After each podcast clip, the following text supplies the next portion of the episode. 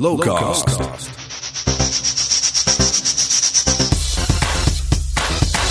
Hallo Lens, Justin hier met de zevende en laatste aflevering van de Lowcast voordat we onszelf weer professioneel een weekendje staan te verliezen in een polder in Biddinghuizen.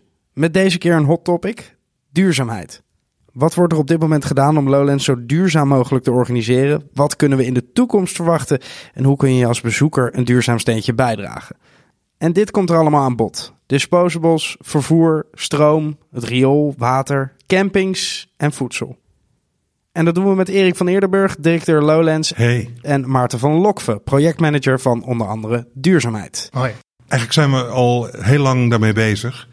Uh, we hebben uh, in 2007, 2008 uh, hebben we een keer een bureau in de arm genomen. En die heeft ons eigenlijk helemaal doorgelicht op alle processen die, die we bij Lowlands, waar we mee te maken hebben. En dat heeft natuurlijk te maken met vervoer, met eten en drinken, met elektriciteit, met waterafvoer, met afval. Um, en daar hebben we toen allerlei verbeteringen doorgevoerd en optimalisaties voor die op dat moment mogelijk zijn.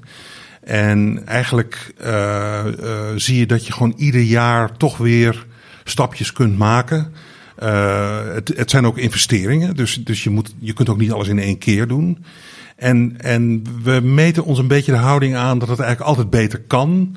En dat we, dat, we, dat we ons niet al te veel op de borst willen kloppen van kijkers hoe geweldig we dit nou allemaal doen.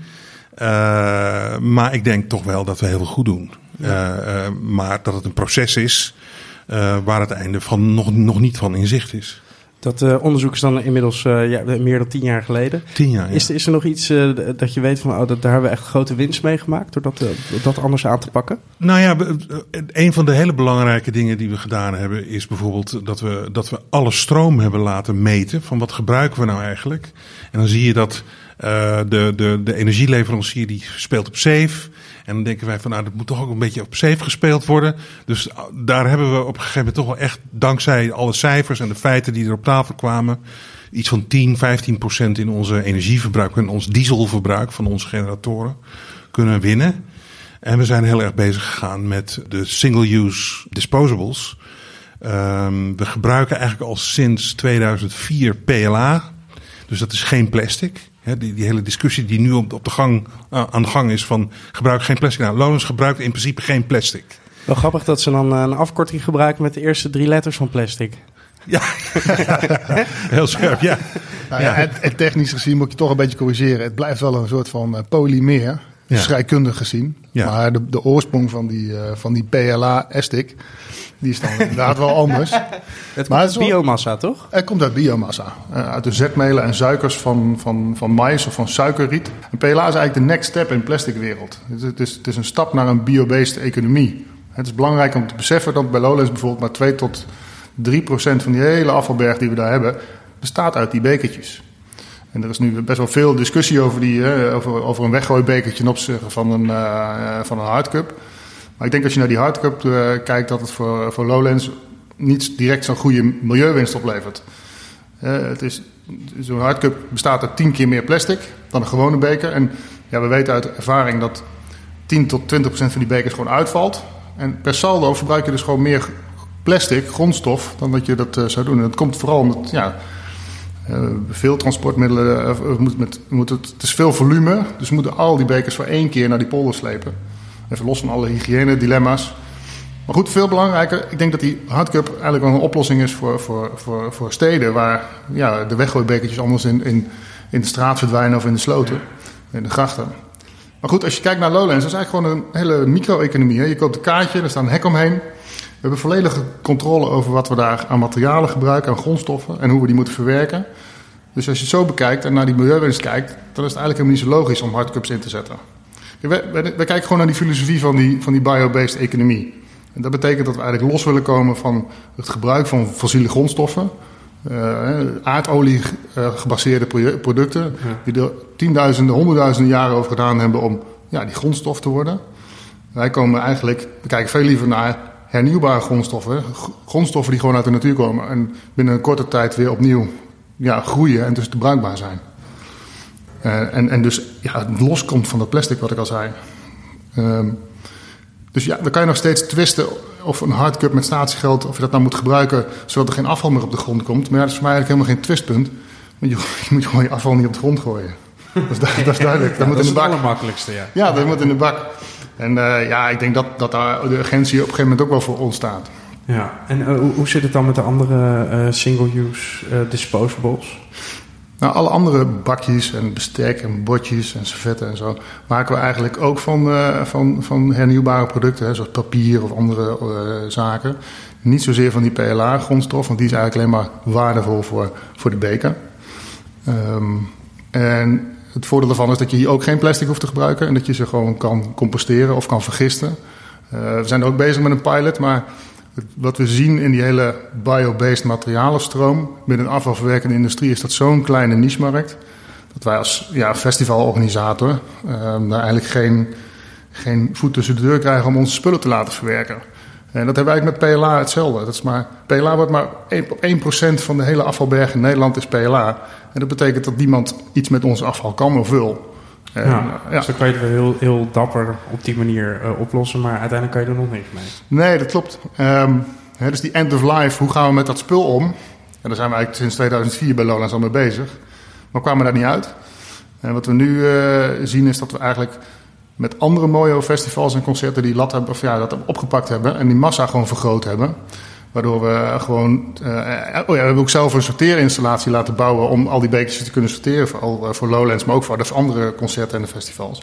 En daarmee zie je eigenlijk dat die massa en die continuïteit omhoog gaat. En hebben we er ook een verwerker bij kunnen vinden die die hoeveelheid kan verwerken tot nieuwe PLA-grondstof. Oh, wauw. Ja, ja, dat is echt mooi. Jullie hebben ook het Plastic Pact ondertekend met Lowlands. Ja, nou, Maarten weet er alles precies van. Ik, ik maak daar altijd heel veel fouten in. Maarten zet die alleen je handtekening. Die zit, die zit, ja, nou ja.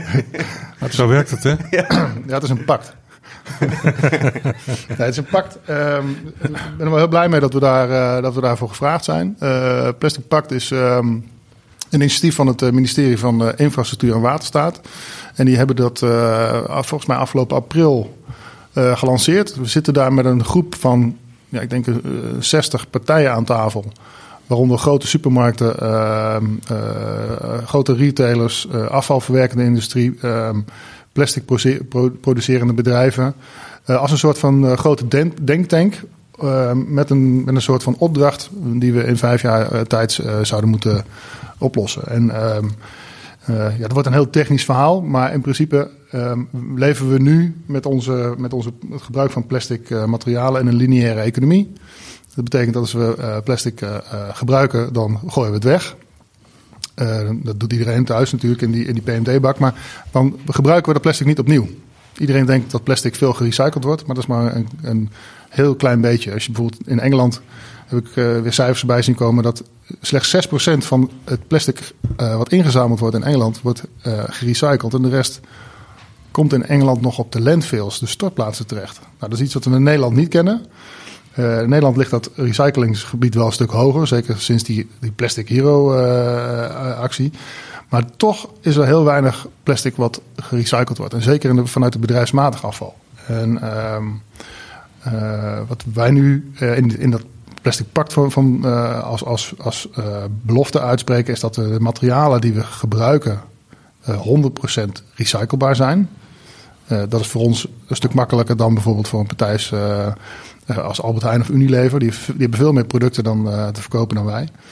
Ehm, maar ook dat we eh, zorgen dat we het plastic wat we gebruiken, eh, of het nou biomassa plastic is of, eh, of, het, of het ouderwetse eh, plastic, om maar zo te zeggen, eh, dat we dat eh, gaan recyclen. En dat was voorheen eigenlijk niet. En daarmee ga je van die lineaire economie die ik net eh, noemde, naar een soort van circulaire economie.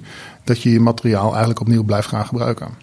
Wat ga ik daarom van merken op het terrein? 25 jaar geleden gooiden we alles op de grond.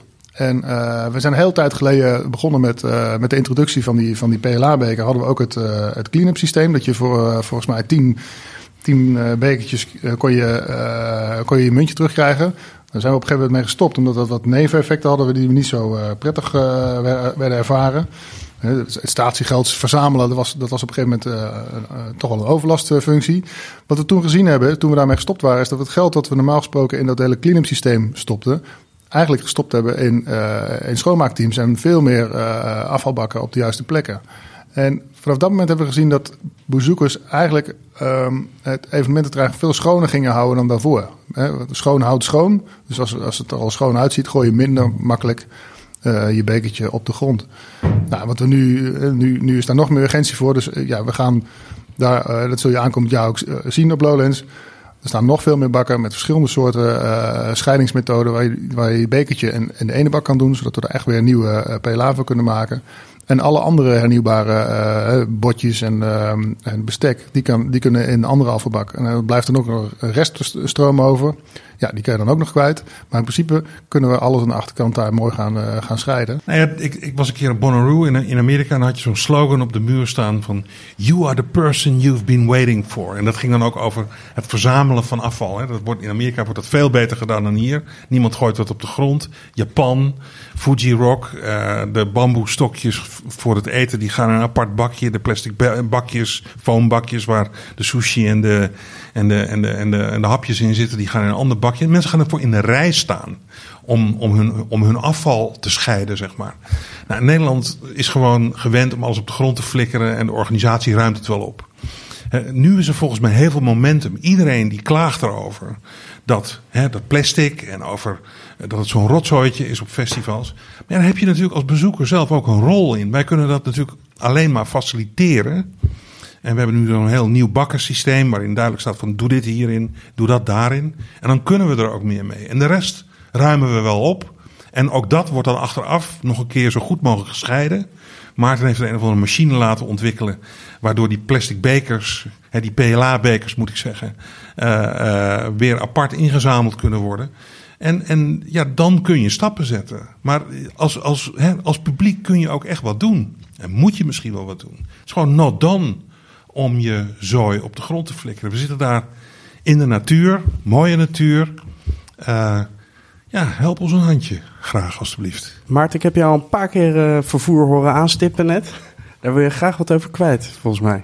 Eigenlijk twee hele grote topics eh, binnen vervoer. Dat is natuurlijk onze eigen productievervoer, maar ook vooral het eh, publiek, eh, het vervoer van het publiek. We hebben een tijd geleden is uitgerekend ehm, de CO2-uitstoot van, van, van bijvoorbeeld het festival als Lowlands.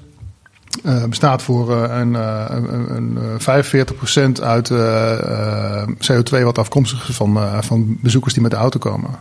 En ehm, we hebben een aantal jaar geleden eh, betaald parkeren ingevoerd, om, eh, ingevoerd. Met als doel ehm, eh, wat meer mensen uit die auto te krijgen. Of in ieder geval meer mensen in dezelfde auto. Dat is ook al een mooie streven. Ehm, en met die inkomsten van, eh, van dat parkeergeld hebben we eh, een, eh, een, een, luxe touringcar eh, faciliteit opgericht. Waar je uit eh, 570 steden en dorpen in Nederland in een eh, touringcar kan stoppen, eh, stappen. Daar hebben we van tevoren eh, allerlei opstapplekken en tijden eh, aangekoppeld. En we hebben met die gelden van die parkeerinkomsten hebben we eigenlijk 20 euro subsidie gegeven voor, ehm, voor die busdiensten. en dat betekent eigenlijk dat je voor 9 euro eh retourtje Amsterdam hebt.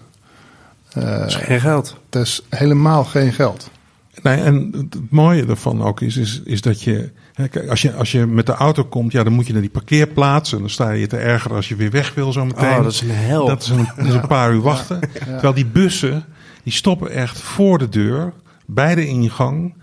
En die halen je op in een plek in de buurt. Hè, Dus je moet, het enige wat je moet regelen is dat je één keer je zooi daar bij die opstapplek krijgt. In de bus dondert. En dan kun je uitstappen. Zelfs met de trein, als je een keer moet overstappen of je moet naar de pendelbus, hè, dan moet je dat ook allemaal weer in die bus laden. Ja. Dus eigenlijk maken we met die, met die, met die bustour, dachten we een enorme stap vooruit te maken. En, en heel eerlijk gezegd moeten we ook zeggen dat het ons tegenvalt hoeveel mensen daar gebruik van maken. Eigenlijk is dat toch wel de beste manier om naar het festival te komen. Pak die bus. Het is goedkoper. De mensen die in die fucking auto komen, die betalen er ook nog voor. Dat jij in die bus kan zitten. Dat jij goedkoop in die bus kan zitten. Ja. En het is eigenlijk een heel mooi systeem. Ja, we hebben er afgelopen jaar nog een extra eh, opstapmoment bij, eh, bij gezet. Je kan dus nu zowel op donderdag als op vrijdag instappen. Daar kan je van tevoren voor kiezen. Ja. Ehm, ja, je schooluitje begint eigenlijk dan al. En een ander fenomeen, daar blijf ik me ook wel op verbazen, dat is het kiss and ride. We zien ehm, toch wel een substantieel aantal ehm, ouders of verzorgenden die hun kinderen uh, afzetten bij, uh, bij ons op het evenement. Er wordt te weinig gekist, vind jij? Nou, er wordt zeker genoeg gekist op Lowlands. Daar ik, maak ik me helemaal geen zorgen over. Maar als je dat vanuit duurzaamheidsperspectief bekijkt, is dat heel raar. Want je rijdt vier keer op en neer met een auto. Ja. Zet die kinderen op zo'n bus en blijf lekker thuis. En kussen daar. En kussen, bij, daar. kussen bij de bus. Ja. Kussen Ja. kan overal. Kussen kan overal. Ja. Dus kiss and ride is eigenlijk gewoon eh, een beetje... eh, Dat zijn de grootste vervuilers. Een hoax. een heel raar fenomeen. Je rijdt vier keer op en neer. Viezerikken zijn het. Bah. Nee, we werken natuurlijk al jarenlang samen met, de- met de NS. Eh, er is zelfs een nieuw treinstation in Dront eh, geopend, eh, onlangs. We zien ook het, dat het aantal mensen wat met de trein komt heel stabiel is. Helaas zijn er dit jaar eh, werkzaamheden in de buurt van Amsterdam... waardoor eh, je uit Amsterdam en de rest van Noord-Holland moeilijk naar Lowlands kan komen op de donderdag. De andere dagen is het, eh, gewoon, eh, is het station, eh, is de trein wel gewoon een goede optie.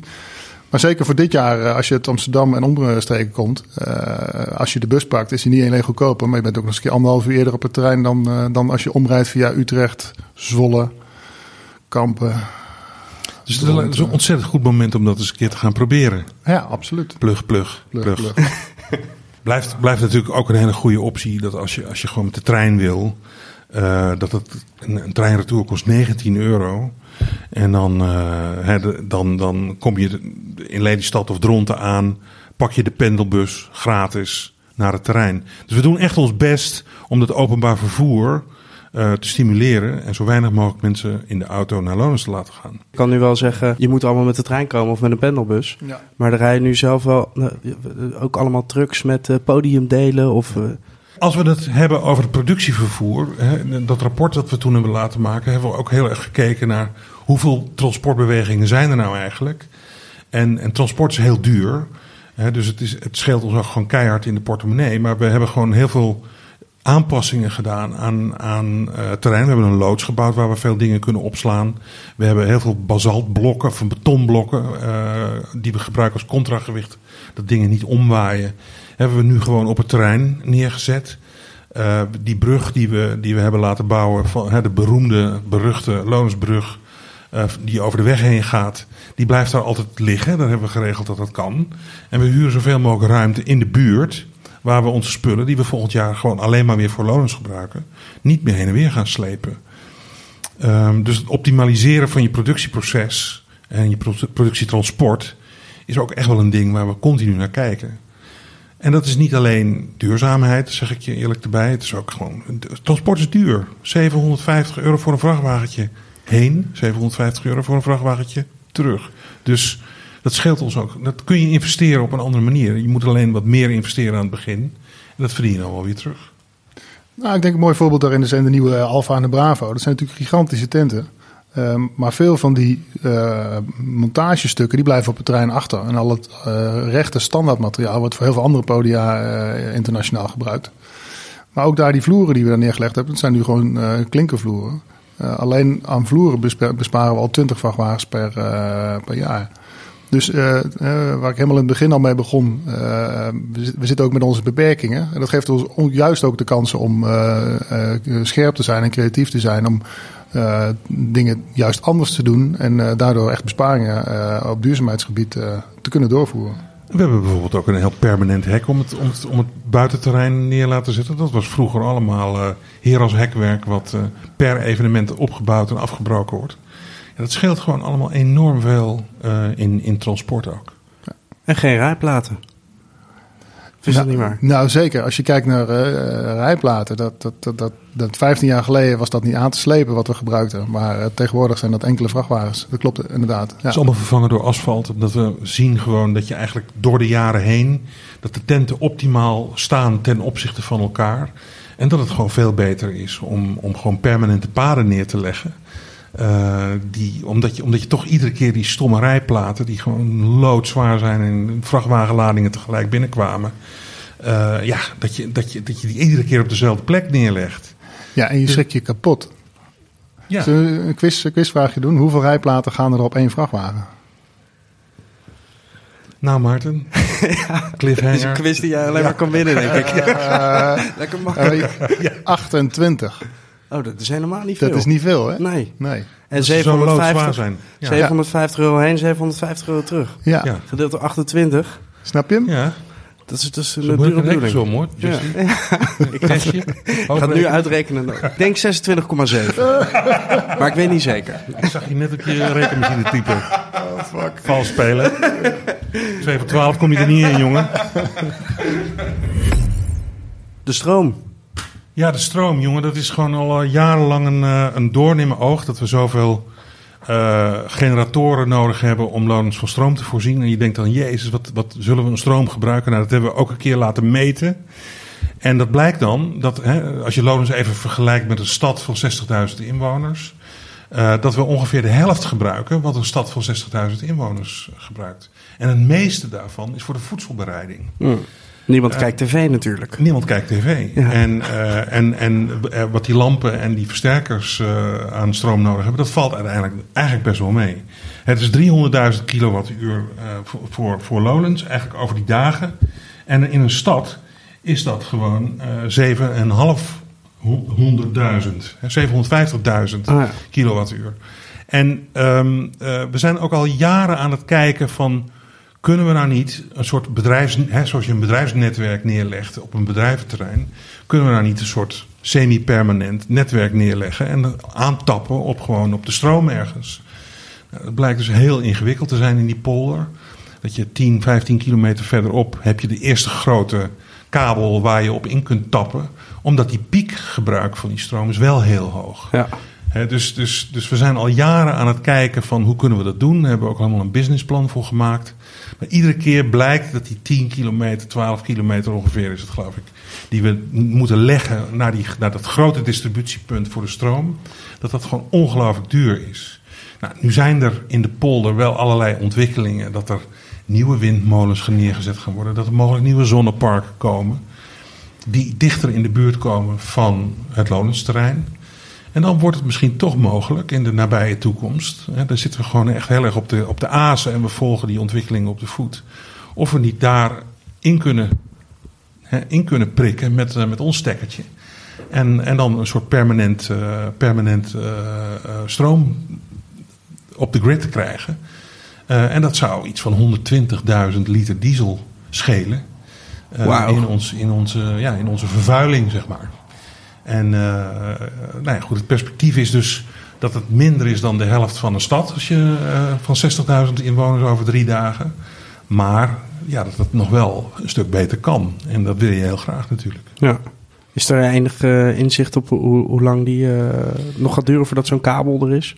Nou, dat, nou ja, ik, we, denken dat het nu met een paar jaar wel eh, aan de orde is. Dat, het, dat we daar in de buurt ergens aan kunnen haken. Ja. Ja. Ja, in Flevoland zijn natuurlijk heel veel ontwikkelingen met, eh, met, met, met eh, zonneparken. En eh, er is ruimte genoeg voor, eh, voor het vervangen zelfs van allerlei windmolens die er al heel lang staan. Dus eh, ja, onze hoop is toch wel dat we dat eh, Eentje naast de ja, Alfa. binnen, binnen vijf jaar toch wel echt eh, van de generatoren af kunnen zijn. Ja. Ja. Ja. Maar dat plan ligt er dus al tien jaar. Dat hebben we helemaal Ja. met Alliander hebben we dat helemaal uitgewerkt.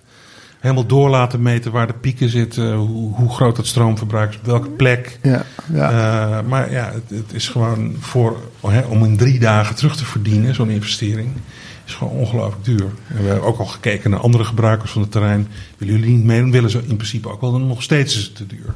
En want normaal schrijf je zoiets af over eh, tien jaar lang 365 dagen per jaar gebruik. Ja. 20 jaar. Nou, wij moeten dat dan, eh zeg maar, Vijf tien weekenden. dagen Ja. op zijn hoogst eh, per jaar moeten we dat afschrijven. Dus het is best eh, heftig. Hoe zit het met het water? eh? Nou, dat is nog zo'n lekker getalletje. Kijk, de Lowlanders zijn gewoon een beetje vies. Ze douchen heel weinig. en dat maakte ook dat, we, dat, we, dat, dat het waterverbruik op Lowlands ook veel lager is dan in een stad. En, en we hebben allerlei maatregelen genomen door de jaren heen. Eh, waardoor ook eh, het watergebruik nog verder teruggenomen is. Dus de helft van het water is grijs water. En dat wordt gebruikt voor toiletspoelingen bijvoorbeeld. En dat zijn ook nog een keer vacuümtoiletten die maar een tiende van het water gebruiken. Wat een normaal toilet eh, gebruikt. Dus ja, eh, 23 miljoen liter in een stad van 60.000 mensen. 10 miljoen liter op Lowlands in drie dagen. Hè, dus, dus, en dan de helft daarvan is grijs. ja, en grijs is dan water wat we uit het meer eh, pompen. Dus uh, al onze wc's die, die spoelen we eigenlijk niet door met drinkwater, maar gewoon uh, oppervlaktewater.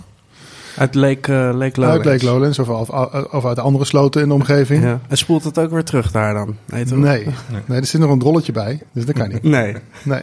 Maar ook hier zie je eigenlijk de planologische beperkingen van, die, van, van zijn locatie. Ehm, we zetten daar voor een paar dagen die stad van 60.000 man neer. En net zoals voor de stroom geldt dat dat niet zomaar een stekkeraansluiting of stroomaansluiting is in die omgeving. Dat geldt eigenlijk voor het water en riool ook. Er is te weinig drinkwater en dus veel te weinig rioolcapaciteit. Dus daar moeten we van alle slimmigheid omheen verzinnen om dat toch goed te kunnen doen. Uh, hè, dus we zijn al eigenlijk vanaf begin af aan genoodzaakt om juist naar alternatieven te kijken dan, dan drinkwater. Ondanks dat drinkwater goedkoper is dan het uh, verwerken van slootwater dus het is duurder om het slootwater op te pompen en in de wc te krijgen dan drinkwater. Gebruiken we dat toch? Omdat ja, we, hebben, we hebben dat nou eenmaal nodig om die, uh, om die kwaliteit, kwaliteit en, uh, te, te, te, waarborgen. Om al die wc's toch, toch te kunnen doorspoelen. En wat Erik zegt is waar. We hebben dat in, uh, in een aantal jaren tijd steeds meer vacuümtoiletten kunnen inzetten. Waardoor het, we bijna met 50% minder water en riool af kunnen. Dus dat zijn de constante stapjes die we maken om nog minder te verbruiken. Maar is een Dixie dan een vacuüm toilet? Nee. We hebben geen Dixies, man. Dixies bestaan niet. Alleen bij jou in de buurt hebben we er misschien eentje staan. Ik loop alleen maar in de backstage. Ja, ja bij jouw cabin staat inderdaad, uh, jouw kantoortje staat inderdaad nog een Dixie. Maar het, het, publiek zit gewoon op spoeltoiletten. En uh, er zijn twee verschillende spoeltoiletten in de wereld. Dat zijn uh, die bij jou thuis. Dan druk je op een knop en dan komt er een liter water uit. maar in het vliegtuig ken je ze wel. Daar komt bijna geen water uit. Dan hoor je een boel gesis en gesuis. En dan is die drol ook weg. Dat is een vacuümtoilet. Die hebben we er daar 330 van of zo door de jaren heen? Ja, ik denk dat het alweer verdubbeld is in twee jaar tijd. Oké. Okay. Nou ja, en en, en uh, de Dixies, ja, er zijn er een paar op plekken waar het heel lastig is om riool aan te leggen. Maar die zetten we dan wel bij jou in de buurt. maar dat is alleen voor ons personeel, inderdaad. Even naar de camping, uh, mannen. Want daar ligt volgens mij het meeste rommel. Ja, kijk, als we die vergelijking van die stad nog maar weer eens even. Daar zie je gewoon echt dat het een groot uh, feest is. We hebben, we hebben echt wel meer afval dan een stad uh, in drie dagen heeft. Ongeveer 25% meer. een stad is een goede 300.000 kilo. En wij zitten bijna op 500.000 kilo. 487.000 om precies te zijn. En de helft daarvan komt, op de camp, komt van de campings. Dus van de spullen die mensen meenemen. en laten liggen tenten, uh, hele huisraden komen soms mee. Um, dus dat, dat, dat, dat, ja, dat zijn wel echt getallen. En op het terrein zelf heb je redelijk controle over wat je met het afval kunt doen. dus uh, de, de, de cateraars die scheiden zoveel mogelijk hun afval. De, de, de flessen, de, het glas, het plastic, de verpakkingsmaterialen wordt allemaal gescheiden weer afgevoerd. Uh, op het terrein proberen we dus die monostroom van biobased uh, disposables uh, heel goed te organiseren. Maar op de camping, en hebben we ook echt laten onderzoeken, hebben we gewoon een paar vrachtwagens naar een, naar een recyclebedrijf gebracht. Van kunnen jullie hier iets mee? Kun je hier nog iets zinnigs mee? Het enige wat ze zeggen, kijken er even naar en zeggen van nee, dit is zo'n verschil van, van materialen en rotzooi en troep. De verbrandingsoven in. Dus er wordt dan nog wel weer warmte van gemaakt, of warm water, of, of, of uh, noem het maar op. Uh, en weer stroom bijvoorbeeld. Uh, maar het gaat wel de verbrandingsoven in. Er is niks meer mee te doen. Eigenlijk is het appel ook daar weer van mensen, neem je tentje mee, neem je slaapzak mee. Het is ongelooflijk wat daar blijft liggen. Als je een goede, goede tent zoekt van, die normaal voor 400 euro koopt, die vind je. Ja. Maar de grootste gedeelte is toch wel echt de tentjes die je bij de Aldi en bij de Decathlon voor, uh, voor een geeltje koopt. En, en een slaapzak voor, uh, voor 15 euro. Bij de drogist gisteren een tent kopen ja. voor, voor een habbekras. Waarom zou je bij de drogist een tent kopen? In hemelsnaam. En staat er dan ook nog bij dat het voor een festival is? Nee, dus wordt het ook nog zo geframed? Nee, nee, dat stond er niet bij. Maar het, het, ik, ik, ik stond er echt van te kijken. En hoe duur was die? Ja, twee tientjes. Ja. Ja. ja. ja. en heel veel mensen die gaar zijn na drie dagen. Die denken van... Ik zou hem ook niet opraden. Nee, maar voor dat bedrag kan je eigenlijk ook niet meer praten over een herbruikbare tent. Het is gewoon een single-use item geworden. Hè? Dus ook hier zitten we weer in de lineaire economie. We kopen het en we gooien het weer weg. Nou, precies wat Erik zegt, we kunnen er niks mee. Alle sorteerinstallaties lopen vast op scheerlijnen, op, eh, op stukjes touw, overal wat er maar in zit. eh, slaapzakken, dat kan allemaal niet. Dus, Maar is dit Kijk, al jaren zo? Of is dit Ja, ja dat is al heel het van het begin ja. En dan soms zijn er initiatieven van mensen die zeggen: Nou, we gaan die tentjes verzamelen. En die gaan we naar, eh, eh, naar vluchtelingenkampen brengen of zo. Nou, het Rode Kruis wordt gek. Die denkt: van ja, die schimmelige, natte tenten gebruikt. eh, een, halve, halve tentstok die er niet, net niet bij zit. Dus die, die, kunnen er niks mee. Dus het, het is gewoon eigenlijk anno 2019 not done om zo'n kuttentje te kopen van twee tientjes. Waar als je de rits niet open krijgt, dan scheurt hij wel open. Het is gewoon, je moet het gewoon niet meer doen. 250.000 kilo blijft erachter op de camping. Wauw. Ja, dat is echt onvoorstelbaar. Ja. Ja. En dat gaat, wordt allemaal gewoon weggeflikkerd. Hup, de verbrandigsoven in, want we kunnen er niks mee. Dus een oproep. Koop een tent die je het gewoon 15 jaar kan gebruiken. Neem hem mee. Een tent die je 15 jaar kan gebruiken kost 40 euro of 60 euro. Dan heb je gewoon een supergoeie tent. Ja, en daar bouw je ook wat mee op. Een band en eh, herinneringen. Ja, je kunt er Toch? eh, een tagje op doen van ik ben aan loons geweest. Je kunt, eh, weet ik veel. Ja. Handtekening van Erik van Eerdenburg erop Ik kom ze persoonlijk signeren. Dacht Ja. ik al. Alle 50.000. Ja. Nou, als, je, als je bij ons naar de luchtfoto's kijkt, na, na afloop van een evenement, dan zie je al die, eh, die witte partytentjes staan. Hè? We hebben er wel eens geteld, het zijn er ongeveer 5000 die er staan. Ja, Dat zijn partytent bedoel je. Je zegt het Partytentjes. helemaal verkeerd. Wat zei ik dan? Je zei partytent, maar het is Oh, het is de partytent. partytent. Ja, is- Partytent. wist jij dat? De partytent. Nou ja, er staan er dus 5000 van op het terrein. En dat zijn ook allemaal van die single-used eh, producten. Dus wij gaan, eh, we willen, willen proberen daar ook een positief eh, draai aan te geven. Door zelf ook partytenten te gaan verkopen. Die gewoon veel betere kwaliteit hebben. Die je dus wel gewoon weer kan inpakken en mee naar huis kan nemen. Er zitten wieltjes onder. Ze zijn zo goed dat er zelfs drie jaar garantie op zitten. Dus we willen proberen ook daar een kleine draai aan te geven. Dat mensen bewust worden van wat ze wel meenemen. Eh, en ook weer mee naar huis nemen in plaats van achterlaten. Dus ja, we hopen dat dat ook eh, eh, ja, een goed voorbeeld gaat zijn. Is een leuke anekdote. In het begin van we- hadden we uitgerekend dat per Loners-bezoeker was ongeveer 25 kilogram afval. Dat is nu niet meer zo, maar dat was toen zo. Toen dachten we van, oké, we gaan. Er was er iemand die, die zei van een kunstenaar, die zei van, oké, we gaan alles vermalen. En dan, dan persen we dat tot in een koffer. En, en, en, en dan bij de uitgang neemt iedereen een koffertje met 25 kilo rommel mee naar huis. En die zet hij gewoon thuis bij de afval. Scheelt een hoop geld. En een hoop rommel.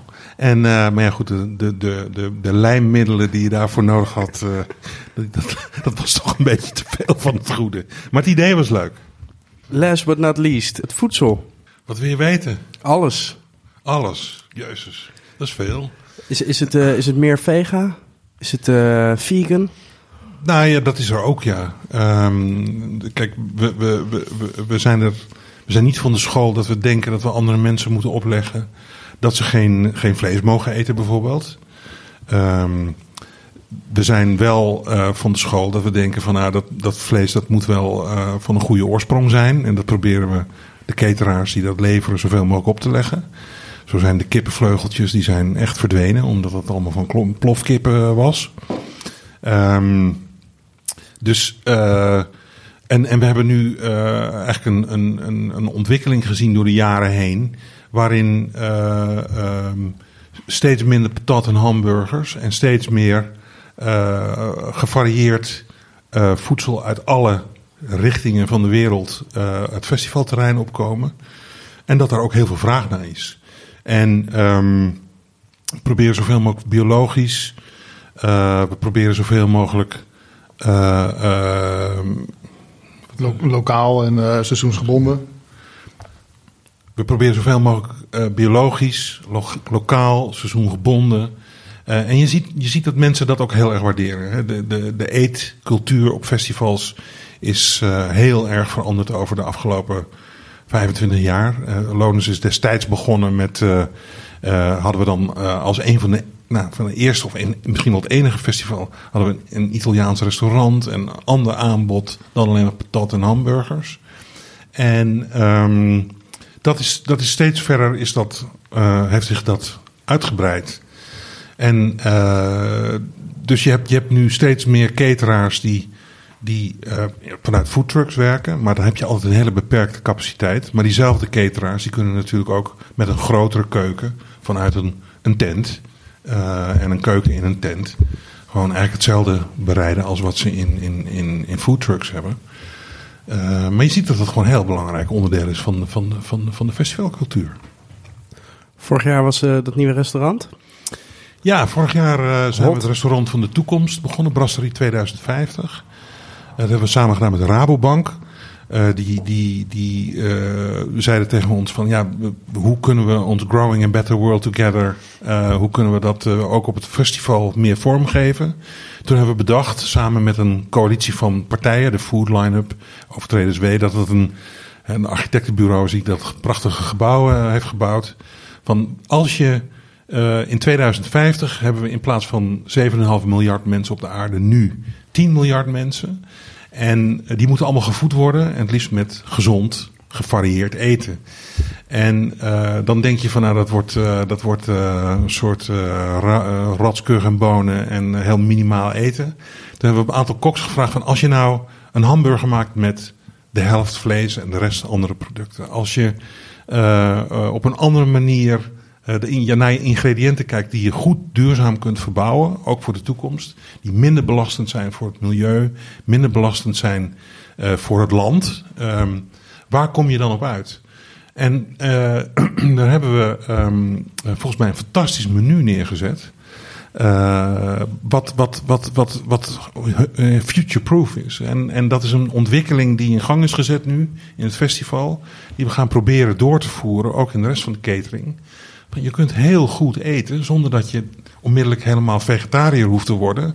Of vleesvervangers, zat er ook bij. Er zat, zat zo een buff bourguignon bij. Die, die smaakte als vlees, maar dat was van een soort gefermenteerde uh, tarwes. En, en uh, ja, op die manier kijken we wel heel erg naar al die processen, dus ook voedsel. Mannen, wordt dit uh, de meest duurzame editie van Lowlands ooit? Nou, er zijn nog wel wat stappen te zetten, vind ik. Dus uh, voorlopig uh, zijn we goed onderweg, vind ik. Maar ik hou niet ervan, veel van om, om onszelf daar al te veel over op de borst te kloppen. En, en ik, ik vind gewoon dat we door moeten pakken.